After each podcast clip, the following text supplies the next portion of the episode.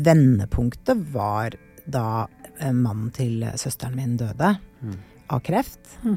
Um, altså det var et forferdelig tungt tap for oss alle sammen. Vi var fryktelig glad i Nikolai. Mm. Um, men dagen etter den begravelsen så måtte jeg reise til Arendal og delta i partilederdebatt. Og det er noe av det verste jeg har gjort, tror jeg. Mm. Jeg husker jo ingenting av den debatten.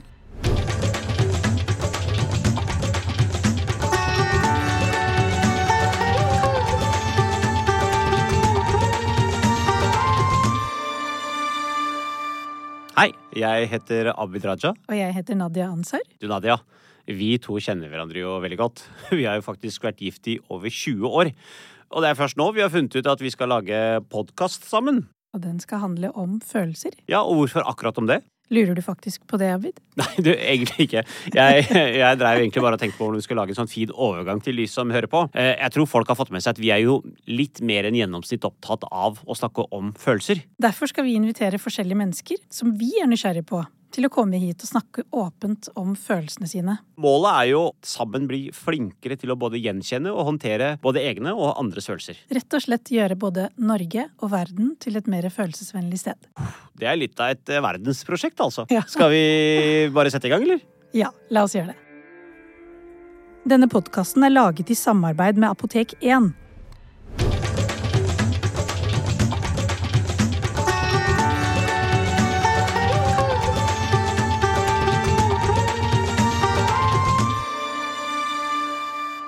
Hei, hei, Nadia. Hei, Abid. Du, akkurat nå har du faktisk eh, kritisert capsen jeg hadde på meg, og du Ja. kalte det for hva da? Du sa det var en, Nei, jeg eh, tenkte, Er det det herre NBA, eller er det Nei, det Adidas? eller er det Hva er det for noe, liksom? Ja, det var sånn, du sa er det sånn NY-greiene. Men dette er, det er det mest kjente ikonet. Det er en eh, mann i trekant med en eh, hånd oppå en eh, rund ball ja, i det er sånn som. Adam på 14 år gammel. Ja, men dette er jo Air Jordan-merket. Det er liksom det er helt umulig å ikke kjenne Å, det. Skjønner, det er liksom, den du eh, kjøpte da du var fjortis? Ja, det er liksom å få kritikk for oss å gå med capsen. Jeg har følt at det har vært en uke hvor jeg har fått mye kritikk. Og det var her om dagen så lå vi liksom i sofaen, koste oss, så på en serie, stemningen var veldig god. Og så plutselig brått eh, snudde stemningen og ble veldig dårlig. Ja, og det der er alltid litt interessant. Det der, det der, de plutselig brå skiftene for deg, de er egentlig ganske så eh, meningsbærende for meg. For det er ganske mange små steg som har ført til klikket som du beskriver her. Hjelper meg. Eh, men som du selvfølgelig ikke har lagt merke til. Ja, det eneste som skjedde syns, ja, Vi satt og opp og serien, så sier du du, husk at eh, du skal lage middag i morgen. Og jeg var sånn derre eh, Du, i morgen etter jobben så skal jeg gå og få disse vaksinene. Eh, for jeg er på sånn derre pollenvaksinering, og det varer jo i tre år. Og du var sånn Ja, men eh, det, det må du bare fikse. Og jeg var sånn, men hvordan skal jeg fikse det? Ja. Det går jo Ja, ikke. for det var ikke. da du mente at jeg klikka, liksom. Du ble jo litt eh, Du ble litt eh, sånn Hei, det fikser jeg. Og så eh, da plutselig så satt jeg da oppå deg. Ja. Fordi at du lå på den sjaselongen, så jeg drev liksom, var i sånn halvveis flørtehumør. Så jeg Ja. satte meg oppå deg. Ja. Og så begynte jeg liksom å tulle litt med deg for å få deg til å bli litt godt humør igjen. Ja. Sånn, ikke bokstavelig talt kile, men jeg tenkte hvorfor har hun blitt så sinna? Ja, og det der er litt interessant, da. Så hvis jeg skal på en måte, Det er to ting jeg har lyst til å gå inn i dette her på. Det ene er å forklare hvorfor jeg blir sint, men det er litt kjedelig. Men veldig kort fortalt så handler det om at når jeg sier, og det er godt planlagt, og det står i kalenderen din, at den dagen så er jeg borte, så regner jeg med at da er det Abid som lager middag. Men sånn by the way halv elleve før vi skal legge oss, så får vi bli får Nei, det kan jeg ikke. Så sitter jeg med følelsen av at ja, selvfølgelig er det jeg som alltid skal ha det tredje skiftet. Selvfølgelig er det en som alltid, uavhengig av sykdom, skal sørge for å være mammaen i familien og passe på alle. Så det var grunnen til at jeg ble sint. Men det er noe, hvis vi parkerer det bort, da. Ja. Og så er vi over på noe annet, og det er det derre interessante fenomenet som jeg har lagt merke til i det siste, og det er at når jeg blir sint, Mhm. så hender det veldig ofte at du begynner å le. Og det som da skjer, for min del, det er at uh, jeg trenger jo da validering, for jeg vet at jeg blir veldig sjelden sint. Så, så, så for meg er det veldig sånn stort når jeg først på en måte sier ifra. Ja, Hva Og det vet jo du. Å, selvfølgelig er du sint nå. Ja, ja, for det som er interessant er at du enten så begynner å le, Ja. Eller så opplever jeg, altså jeg Veldig ofte så opplever jeg det litt som latterliggjøring. Du begynner å kile. Ja, og så nå, sier du, nå sier du at du, du sier jo det selv. Du hopper oppå meg og begynner å kile meg. Og du til og med tar armene mine i sånn eh, Hva heter det? Sånn, sånn at jeg ikke kan bevege de. Altså helt sånn Ja, det var ikke helt at jeg liksom overfalt deg og holdt deg fast, Ja, men det var tilfeldigvis så satt jeg liksom i den settingen fra du- før, før ja, den så middagssamtalen starta. Ja, men det er jo for at Og det som skjer med meg da, er at jeg blir sintere og sintere og sintere. Og jeg Og du blir morsommere og morsommere. og morsommere Så Ja. du prøver å komme med ny spøk, og så ny spøk, og så ny spøk. Og så var det litt interessant, for da gikk jeg på jobb og så begynte jeg å liksom tenke sånn på hva er det som egentlig skjer. Fordi at Mhm. det jeg da trenger, det er jo å bli forstått, eller at du sier oi, Mhm. det skjønner jeg, Nadia, den ene dagen du ikke eh, skulle være hjemme, og så er det så typisk at hvis ikke du er hjemme, så stopper alt opp. Mm. Skjønner godt at du blir irritert. Men den får jeg jo ikke. Så det jeg får istedenfor, er jo en som prøver å blidgjøre meg. Så hvis jeg skulle liksom legge godvilja til, så skjønner jeg at å ja, han prøver å blidgjøre meg. Så hvorfor gjør han det? Og da begynte jeg å skjønne at kan det kanskje hende at det handler om noe annet? Mhm. Og så, så bare lurer jeg på, er det litt sånn at du egentlig blir redd? Og så forsøker du å blidgjøre meg fordi at det er litt ubehagelig når jeg blir sint? Ja, selvfølgelig. Det er ikke noe behagelig når du blir sint, så jeg vil jo bare at du skal bli i godt humør igjen. Så, og lette stemninga. Og da er det mye, veldig mye lettere å liksom si eh, eh, Hei, så utrolig søt du ser ut, eller eh, Hei, så Ja.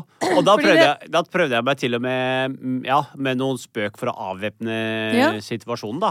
Ja, fordi da, da plutselig så følte jeg at jeg fikk litt sånn Da, da merket jeg at jeg ble liksom mer mør på innsiden, og fikk mye mer sånn empati for deg. Å, så når jeg blir sint, så blir du redd. Du blir redd. Altså, det er ikke sånn at du er bevisst, men, men ubevisst så blir du liksom sånn ok, hun blir sint, og så er det akkurat som om kroppen din på en eller annen måte går i en litt sånn å shit, hva betyr det? Det betyr at hun til syvende og sist, da, enden på visa blir at hun forlater meg. Ja.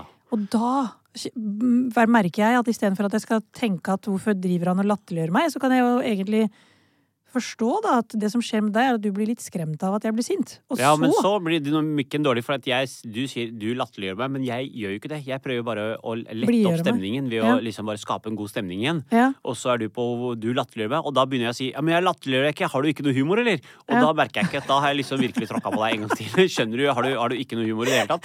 Altså, hadde hvorfor det blir du så sint, egentlig? Altså, det blir så sint så utrolig fort, for det gikk liksom fra liksom veldig god stemning med nesten sånn Vi hadde ikke popkorn, men kunne like gjerne hatt popkorn. Ja, ja, se ja. på serie. Jeg sitter liksom plutselig på fanget ditt, og så er det litt sånn Du, Hva Abu, du skal lage middag i morgen. Og jeg er sånn, jeg har eh, pollenvaksinering. Og så ble det den skyllebøtta og den kranglinga. Eh, det gikk heldigvis over fort, da.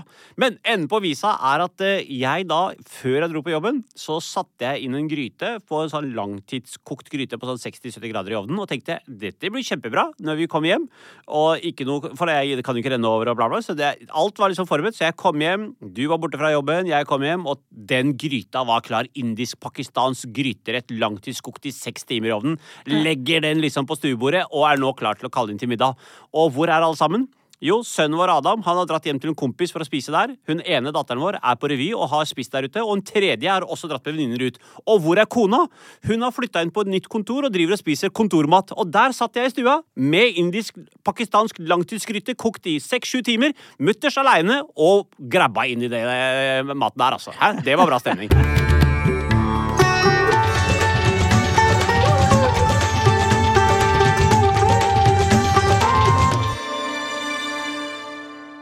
Dagens gjest det må jeg kunne si er en tidligere politisk kollega og en av Norges aller beste debattanter. Vi har nemlig besøk av tidligere finansminister og leder i Fremskrittspartiet, Siv Jensen. Og hun har både stått i eh, medvind og storm og motvind i den politiske karrieren sin, før hun gikk av i rikspolitikken i 2021 etter 15 år som leder i Frp og over seks år som finansminister. Og jeg har hørt at eh, hun har uttalt at eh, hun vil ikke mene noe, nå altså i ettertid også, men jeg håper jo at hun vil mene litt om følelser, selv om hun ikke skal mene noe om politikken. Så velkommen skal du være her, Siv. Tusen takk. Veldig hyggelig å være her. Ja, det er litt gøy. Det er vel, jeg har lurt litt på, jeg. Hva, hva, hva gjør du nå for tiden, da? For det første så lever jeg et veldig godt liv, da. Går tur med hunden min. Det er liksom altså, Det å sette av tid til henne hver morgen, hver kveld. Lang tur. Uansett vær. Altså, og det er jo greia når du har hund, ikke sant. Du må ut. Uansett hvor fælt det er, ser ut, så må du ut. Hva heter hun? Hun heter Karma. Karma, ja. Ja. Fint navn. Ja.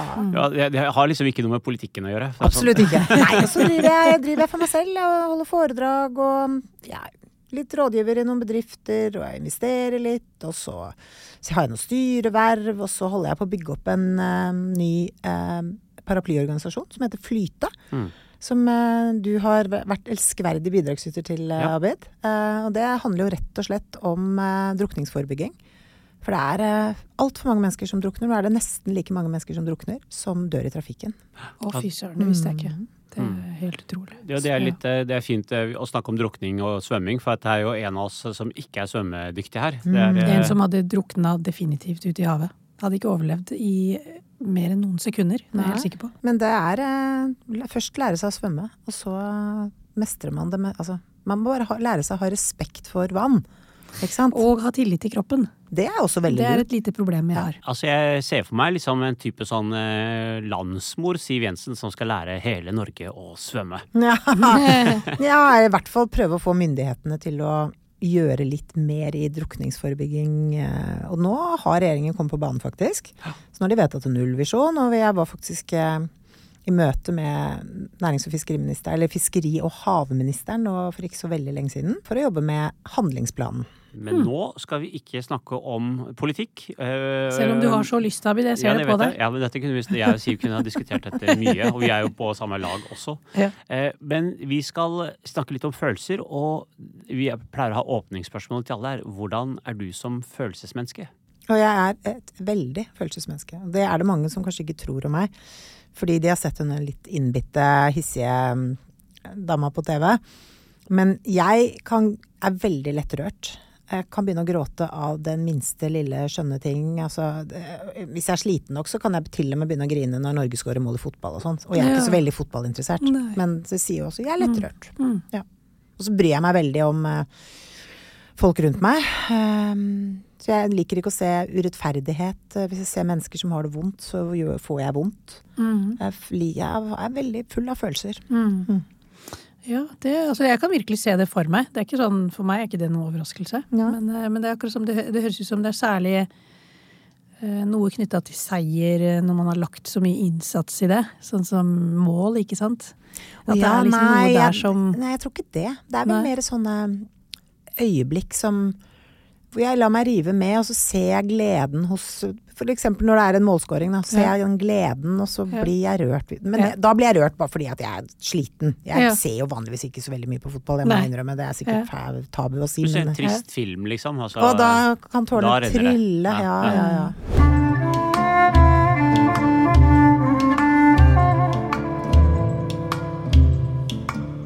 Så hvis vi skulle utvidet det litt, så kan jeg eh, gå inn i spørsmålet på en litt annen måte. Hvordan forholder Siv Jensen seg til følelsene sine? Sånn som du sier nå, ikke sant? jeg kan ha et nært forhold til visse følelser. Eh, Jeg kan ha lett for å gråte når jeg ser på noe trist eller noe, en seier. Og så kan det være andre følelser som jeg kan ha et litt distansert forhold til. For eksempel når jeg, er, når jeg skammer meg, så vil jeg ikke bli sett. Mm. Når jeg ikke mestrer ting sånn som jeg ønsker å ha satt mål, så har jeg egentlig lyst til å bare være for meg selv. Og finne litt ut av det på egen hånd, og så koble meg på verden når alt er bra igjen. Så vi har ofte litt sånn ulike forhold til ulike følelser, da. Hvordan er du? Jeg har vel alltid tenkt at det er greit å kjenne på de følelsene som man har, og prøve å sortere i det. Fordi da går det fortere over. Det er ikke alltid man klarer å sortere de problemene man står i, eller de følelsene man har. Men jeg er ikke noe redd for å ta på følelsene mine. Men jeg utviklet jo evnen til å stenge de av litt eh, mens jeg var toppolitiker. Fordi det var bare Det var en del situasjoner hvor jeg ikke kunne eh, ha med meg alle de følelsene inn i de situasjonene jeg var i. Så jeg måtte klare å stenge det av, i hvert fall for en stund. Absolutt. Men jeg tror jeg, jeg, det jeg gjorde, var at jeg liksom jeg, jeg prøvde å se meg selv som to forskjellige personer. Da. Det var liksom Siv privat, og så var det den offentlige Siv. Og så følte jeg kanskje at jeg Jeg vet ikke, jeg tok på meg en eller annen rustning eller et eller annet sånt. Det, når, fordi jeg delte jo 90% av livet mitt var jo i offentligheten. Mm, Sånn. foran kamera. Ja. For når Nadia stilte spørsmålet, så tenkte jeg når hun sa sånn Hvordan er Siv Jensen med følelsene sine? Så jeg, men det er jo det er politikeren Siv Ja, hvordan er Siv? Men hvordan er, hvordan er Siv? Men som du sier, altså, altså, som politiker så utvikler du gjerne veldig Kanskje sånn Man sier at man får en sånn tjukk hud, Mm. men, men det er jo den huden man viser utvendig. Mm. Men på innsiden så er man jo kanskje allikevel blitt berørt, truffet, Å ja. såret, lei seg. ja, ja. Ja. Og jeg hadde jo Det var jo mange ganger hvor jeg jeg måtte få utløp for frustrasjon eller aggresjon eller hva det nå var. Og da var det inn på et eh, ja, mest mulig lydtett rom og skrike litt høyt. Få det ut. Men det beste jeg gjorde, det var å gå lange, lange turer i marka. Mm. Kunne det vært fremmede bannord også i det lukkede rommet, eller? Det går da. engelsk, eller? Å ja da. Det, det kunne komme mange stygge gloser ut. Men det var å gå det av. Mm. Få tenkt igjennom liksom, og tømt det ut. Og den Mm. beste måten for meg å gjøre det på, og jeg har vært alltid egentlig, det er lange turer i marka. Mm. Uten, uten ikke noe musikk på øret eller noe sånt. Bare helt, bare høre på skogen, og så gå Mm. til jeg var ferdig. Ja. Mm. Så det høres ut som du har en idé om at følelser er noe som skal bli ridd av eller gå av? Nei. Eller på en eller annen måte Nei, det må bearbeides. Ja. Og jeg må tenke igjennom det, og Ja. forholde meg til det. Um, og noen følelser blir jo aldri borte. Mm. sant? De, de er med deg hele livet. Andre følelser er jo noe som kommer og går, hendelser som skjer. Men like fullt, det er viktig å, å bearbeide det, tenke gjennom det. Sortere det litt i, i skuffen i hodet. Er det, var, det, var det en grei og god følelse? Var det en fæl opplevelse? Sortere det litt, og så um, I hvert fall særlig de dårlige tingene. Mm. jeg har vært flink til å legge bak meg. Mm. Så ikke gå og tvære og tvære og tvære, for det, det, det hjelper ikke. Det er bygons. Gjort er gjort, spist er spist. Få, gå videre.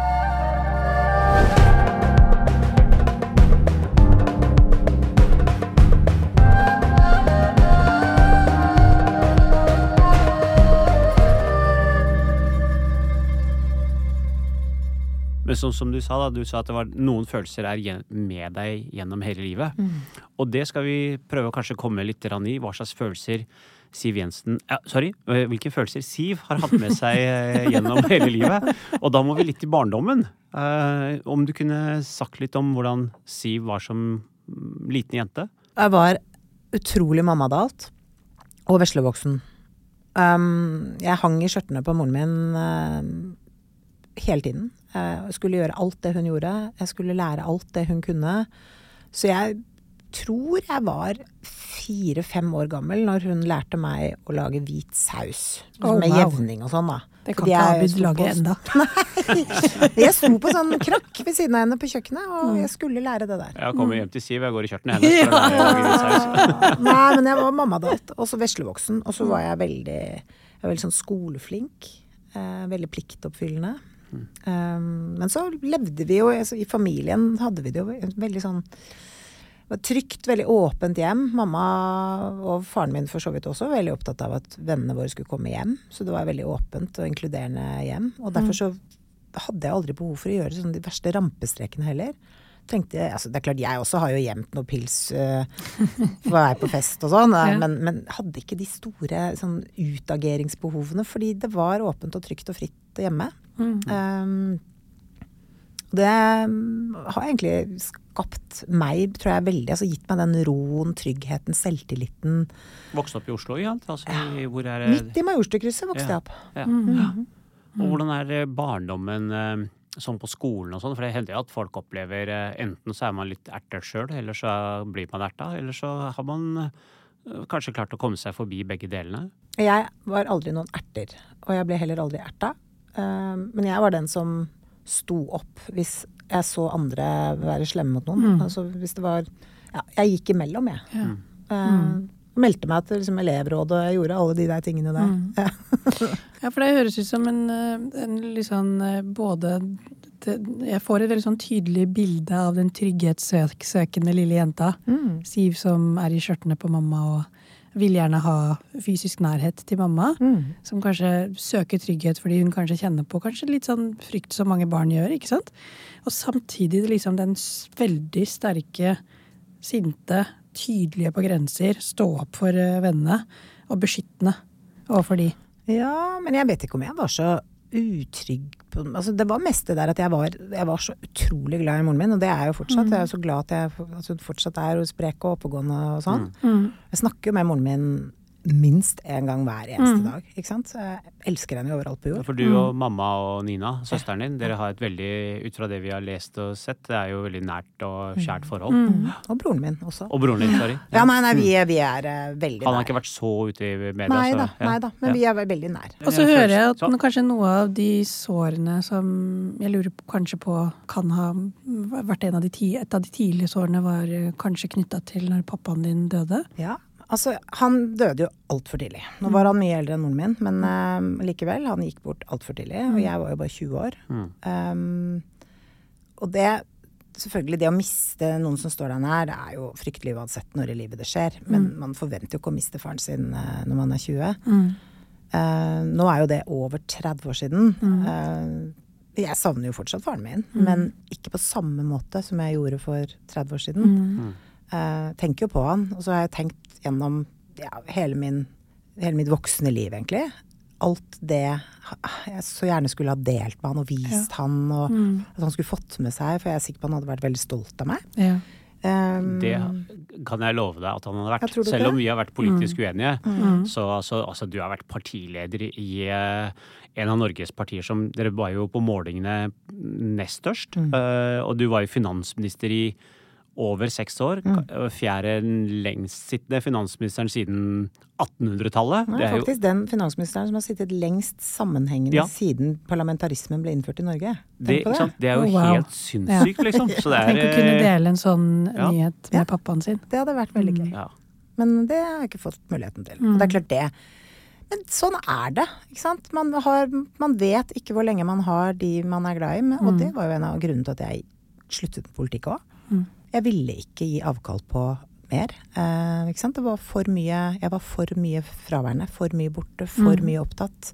Mm. Um, og jeg Vil du ville ikke fortelle mer. litt mer om på en måte det vendepunktet?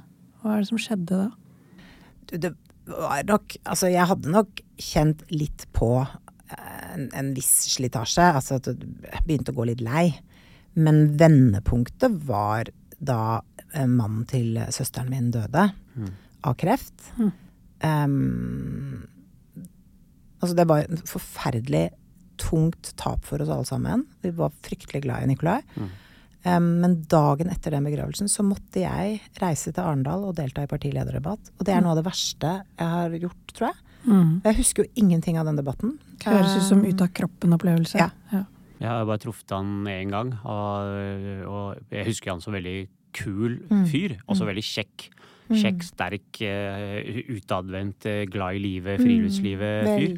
Så, så, og det skjedde jo så veldig raskt, Ja. og, og var borte nærmest på et blunk. Det var Ja. helt utrolig for oss som sto utenfra. Vi kunne ikke engang forestille oss hvordan det må ha vært for dere som, som sto i det. Nei, det var, det var helt forferdelig. Men, men da også bare bestemte jeg meg for at eh, livet er for kort til å jobbe seg i hjel. eh, til å være for mye borte fra de man er glad i. eh, Til å ikke få med seg høydepunkter i familielivet eller hos venner. ikke sant? Altså, mm. jeg var alt, altså, det var så mange situasjoner hvor jeg, ok, jeg var der, men var jeg der egentlig?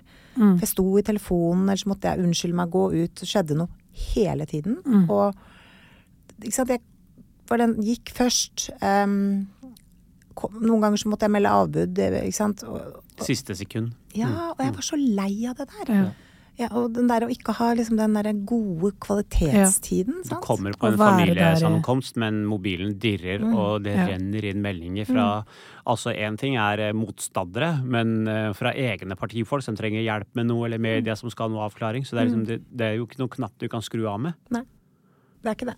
Og det er bare, jeg bare orker ikke mer. Tenkte nå er det nok. Nå skal jeg ha et annet liv. Mm. Um, og det angrer jeg jo ikke på. Altså, det er den beste beslutningen jeg har tatt. Jeg eh, tror jeg har hørt deg si det igjen, så jeg tenkte jeg skulle se om du klarer å si det her. Du jeg tror jeg leste du sa det var jævla, at det er veldig digg.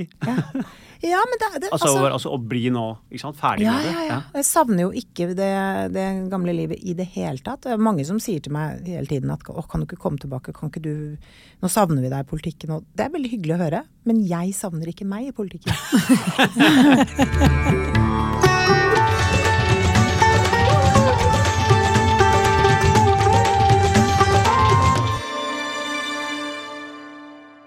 Vi har jo en sponsor i podkasten, Og ikke en hvilken som helst sponsor. Vi har nemlig fått med oss Apotek 1 på laget.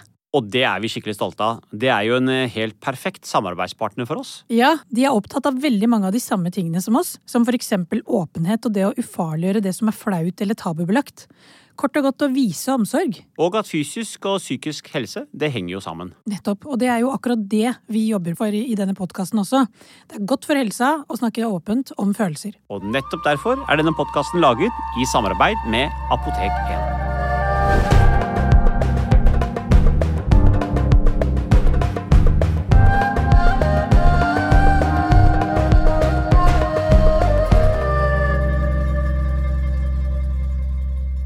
Det er veldig vanlig at når politikere går av, så, så tar det gjerne kanskje et år da, eller to, og da begynner de å uttale seg i media. Gjerne eh, om det ene og det andre. Eh, nå har det gått eh, mange år? Har det, har det gått, To år. Ja, to og et halvt år siden. Så, det, har du vært ute i media og uttalt deg nå?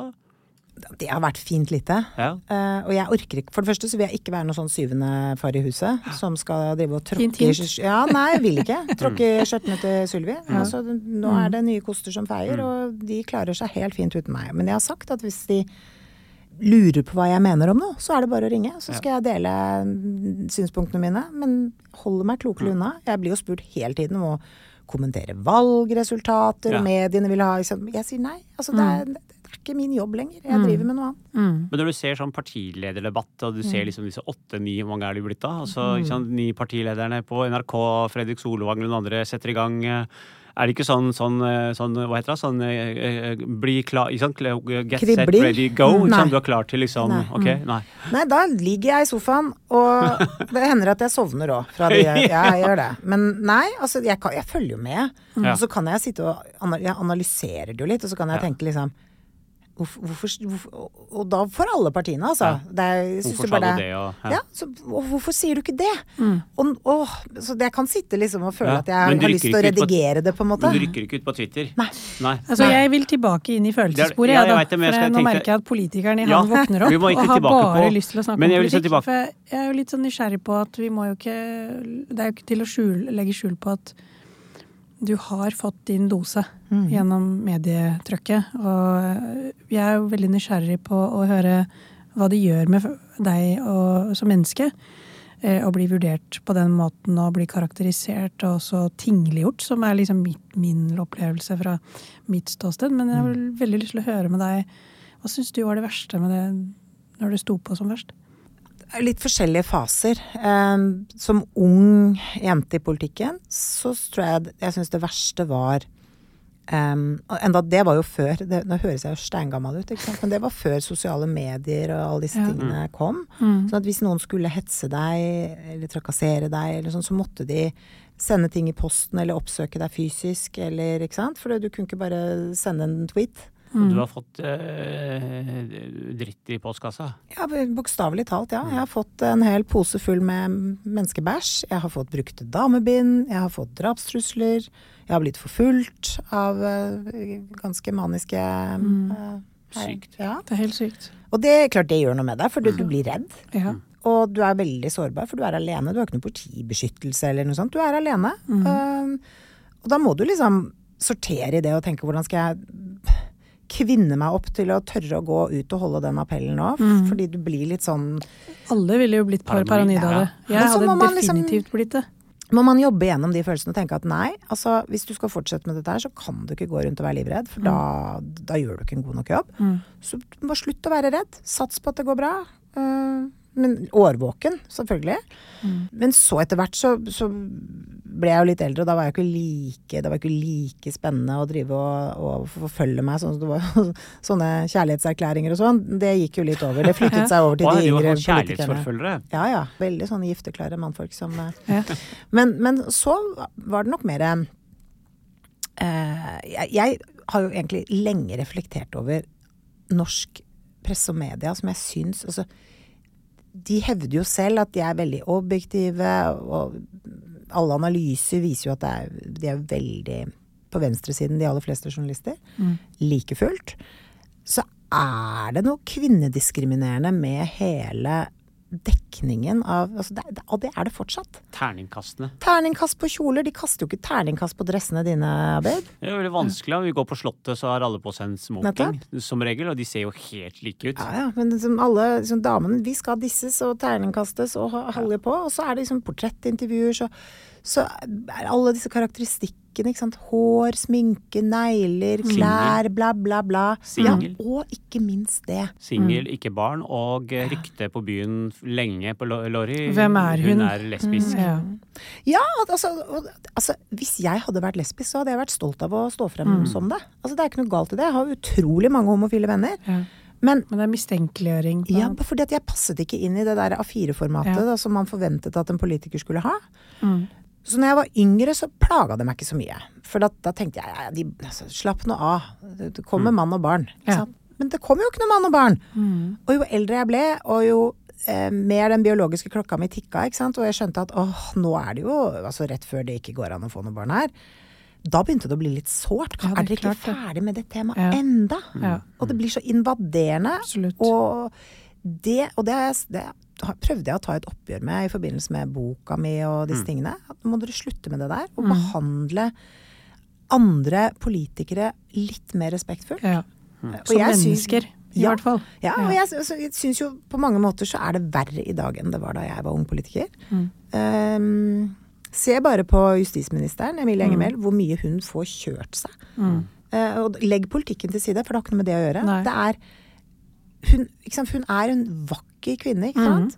Um, og hun opplever veldig mye av det, bare på en mye verre måte. Også fordi sosiale medier er så utrolig brutale. Mm. Og da jeg holdt min avskjedstale på, på denne Stortingets eh, avslutningsmiddag i 2021, så var jo dette et av budskapene mine til eh, Stortinget. Det var ta vare på disse unge, fremadstormende talentene på tvers av partiene. Ikke, altså, ikke Ja, drit i hvilket parti de tilhører, bare De er vis først og fremst omsorg. mennesker. Ja, vis omsorg.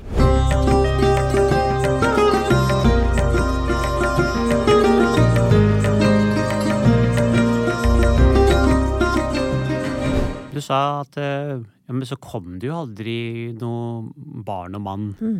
Men, eh, men det er noen rykter på låret igjen om at eh, mannen har kommet. Nei, det var, det var en mann, men Ja. nå er han ikke der lenger. Ja. Nei, altså, det er jo Du må date litt og holde på litt. Okay. Ja, ja. Flørten satte seg ikke. Nei, sånn er det jo. Det, er ikke, lykke, det er, ikke- trenger ikke å være lykketreff hver gang, vet du. Jeg har bare lyst til å spørre deg litt, fordi det var liksom så fint det der bildet du gir. ikke sant? For jeg, jeg ser for meg sånn Jeg lytter jo bare til følelser. Du vet jo hvordan psykologer er. Så jeg ser for meg liksom både når eh, den kvinnen som må liksom stå imot øh, den mediestormen som du beskriver som veldig rød-rød, på en måte. Ikke eller rød-grønn, øh, i hvert fall rød, da. Um, eh, og du blir vurdert, og du tar noen valg i livet som er annerledes. Eh, Du blir kritisert, blir beskrevet som en rasist, eller hva det nå å være er. Sånn, så jeg, sånn som vi snakket om i stad, det må jo gjøre at du på en eller annen måte blir litt småparanoid, og alltid på en måte, sånn som du selv sa, tar fram rustningen, for du trenger den. Mm. For å stå i stormen. Det er ingen som kan gå og være skjør og uten rustning i møte med dette. Og så blir jeg jo litt sånn Og så, og så beskriver du den derre perioden hvor du får bæsj, altså, og, og brukte bind i posten. Drapstrusler. Som også må ha gjort deg veldig redd. Det er en helt naturlig Det å bli forfulgt, selv om det er av beundrere, er noe av det skumleste som fins. Å være så utrygg og alene i det. Jeg bare, jeg bare lurer på hvordan blir disse følelsene med deg i dag? På en måte, Du vet at du er ferdig med politikken, men det du har stått i, og de erfaringene, hvordan er det det er med deg i dag? Mye mindre enn man kanskje skulle tro. um, husk at jeg, jeg levde jo seks og et halvt år med eh, livvaktsbeskyttelse. Mm. Det gjør noe med deg, det òg. Um, og ikke for det. Fantastiske folk, disse livvaktene. Jeg ble veldig glad i de. Mm. Eh, og de er jo med deg på alt. Mm. Om du skal i butikken eller på polet eller altså Det spiller ingen rolle. På skitur. Tur på fjellet. Ja, ja. Mm. De er alltid med. Han, er ikke så, han har ikke vært så plaget av det, han Abid. Jeg, jeg derimot, som kone hans, ble ganske plaget av Ja, det. det skjønner jeg. Jeg og Nadia dro på date en gang. Eh, eller vi dro til Trondheim, da var jeg kulturminister og, skulle på var det Eurovision. Mm. Og så sa han men kan ikke vi gå og ha en sånn romantisk middag før det? Ja? Så, så åpna vi døra, gikk ut av hotellet, og så sto det jo to karer der. da. Og Nadia bare Skal de være med oss? bare, ja. Så de satt par bord bortafor, de plagde oss jo ikke. Nei. Men Nadia var litt sånn Jeg føler meg litt lett eh, invadert. Ja, altså, jeg sånn. trenger litt men man er jo Romantikken forsvant, invadert. Ikke sant? Og det, så det gjorde jo noe med meg. ja. Så det er jo et eller annet så når, så når det tiltaket ble tatt av, Mm. for da, det var når jeg gikk ut av regjering og så Ja. tilbake til Stortinget Mm. Det skjer jo over natten. ja. Um, så var jeg litt sånn, tenkte jeg, kjære vene, hva skjer nå? Og så Absolutt. var det mye stress med det òg, fordi Ja. eh, ikke, selv om jeg da ikke hadde den beskyttelsen lenger, så skulle jeg da ikke eh, kjøre kollektivt. Mm. ja. Så måtte jeg skaffe meg bil. Jeg regner ikke med at det var en elbil? Det var en elbil. Oh, yes. Ja, ja, ja. Jeg har hatt to biler etter at jeg ga meg i politikken. Begge er elbiler. Jeg Elsker det. Wow. Mm. Men uansett, da. Første kjøretur skulle jeg opp til Gardermoen og um, um, på en sånn partikonferanse.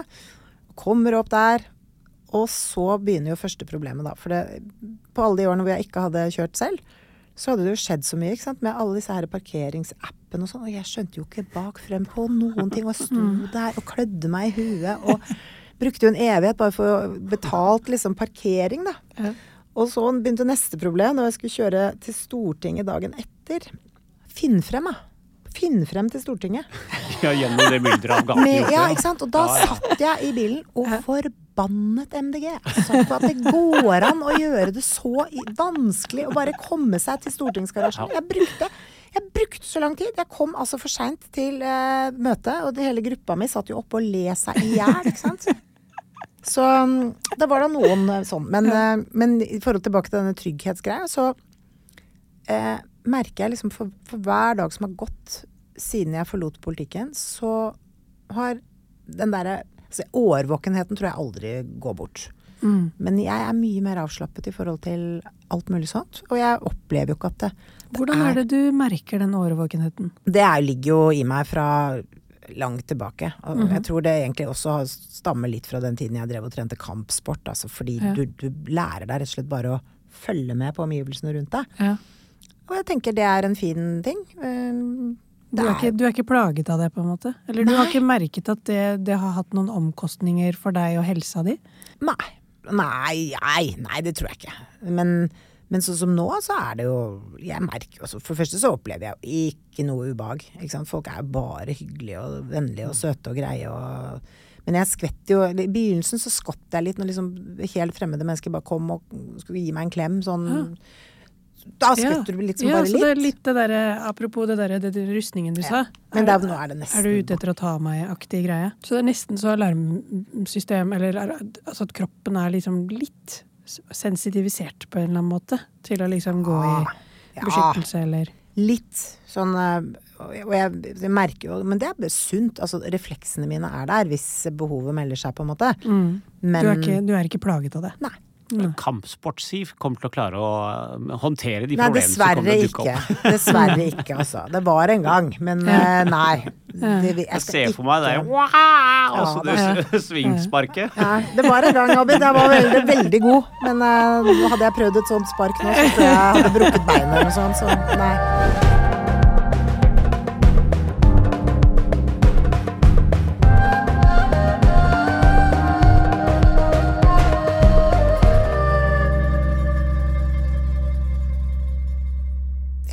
Generelt på et veldig godt sted. Jeg har det veldig bra nå. Mm. Jeg synes det er digg å se alt det, alt det fra det har brent i toppolitikken, eh, og så gir man seg. Så kan man komme seg ut og få et, eh, et ganske bra liv. Eh, og, og finne roen med seg. Ja, ja, men det gir jo Det er håp, håp for til, deg også, det er jo håp til oss andre. at det er ja, så Jeg tror når man står i det, så, Ja. så tror jeg det er ganske vanskelig å se for seg liksom alle andre utveier. Men jeg har jo hørt det fra andre toppolitikere også, eh, at, eh, at det er litt digg når man er ferdig med noe. Men når man står i det, så, så, så brenner det jo veldig. Jo, men så er det sånn når du står i det og er motivert for å fortsatt være der, så kan du jo ikke tenke deg noe annet å gjøre. ikke sant? For Ja. det, er, det er jo altoppslukende, Ja. og du er jo høy på adrenalin 24-7 Mm. in a way.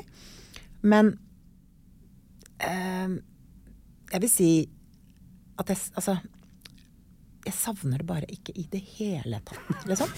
Så det er ikke det som du sier, at du kan få et ganske bra liv. Jeg har fått et mye bedre liv. Jeg skulle aldri vært um, de erfaringene foruten. Altså, jeg har storkost meg i politikken, tro det eller ei. Jeg har elsket den jobben. Men jeg vil ikke ha den igjen. Det, er liksom, det var det kvarte århundret av mitt liv. Nå er det et nytt liv. Det var, eh, ja. Og du, Det- og du er ser deg ikke tilbake, og du angrer ikke. Hva vil du si på Nå mot slutten av, vi nærmer oss slutten av podkasten. Vi har en sånn fast punkt som vi skal komme til. Men eh, til nye eh, potensielle politikere som går ut der og tenker hm, kanskje det er noe for meg. Eh, og du er ikke syvende far i huset, det har du sagt, men det gjelder jo sånn, mer sånn part, intern politikk og sånn. Men sånn generelle råd til unge folk som vil inn i politikken, da? Nei, det er jo å kaste seg ut i det. Um, det er jo sånn Ingen er Uansett om du er politiker eller du er psykolog eller hva du er, du blir jo ikke ekspert bare av å ha lest en bok eller studert. Eh, Du blir god av å gjøre feil. Ikke sant? Du, alle feiler. Alle toppledere feiler, alle toppolitikere feiler. Fordi du må gjøre feil for å bli bedre. Um, så det er ikke farlig å gjøre feil. Men det er viktig å lære av de feilene man gjør. eh, Anerkjenne at man gjorde en feil, og ta det med seg for å bli bedre.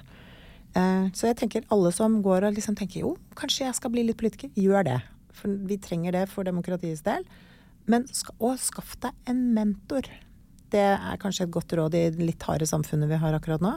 Hvis du får en mentor, enten i eget parti eller i et annet parti, som, kan, som er litt eldre og litt mer erfaren, så får du gode råd, tenker jeg. Kanskje Siv Jensen kunne vært mentor for noen, eh, Ja. kanskje ikke. Men det, det får tiden vise. Men altså, jeg, jeg, jeg har vært kjent for å være litt dårlig på selvhevdelse og grenser, så kanskje jeg trenger en mentor i Siv.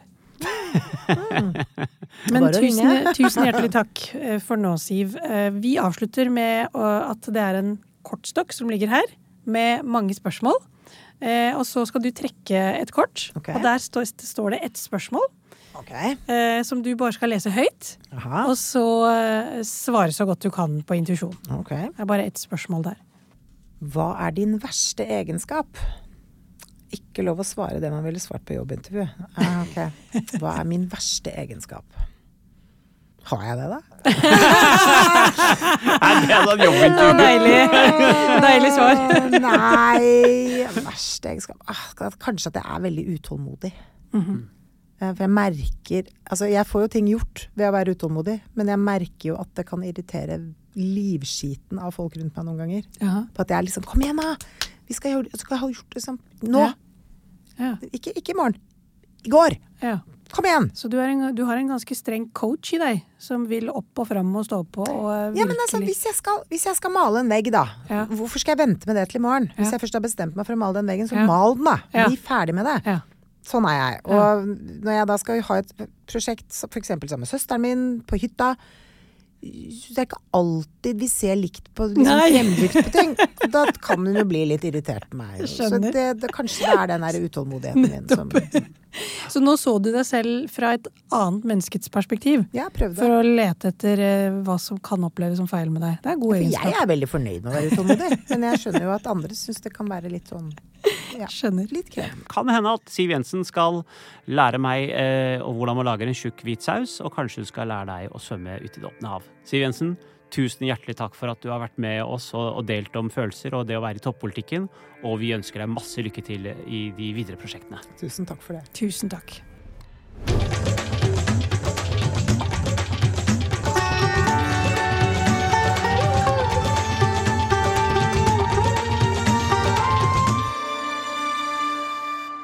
Apotek 1.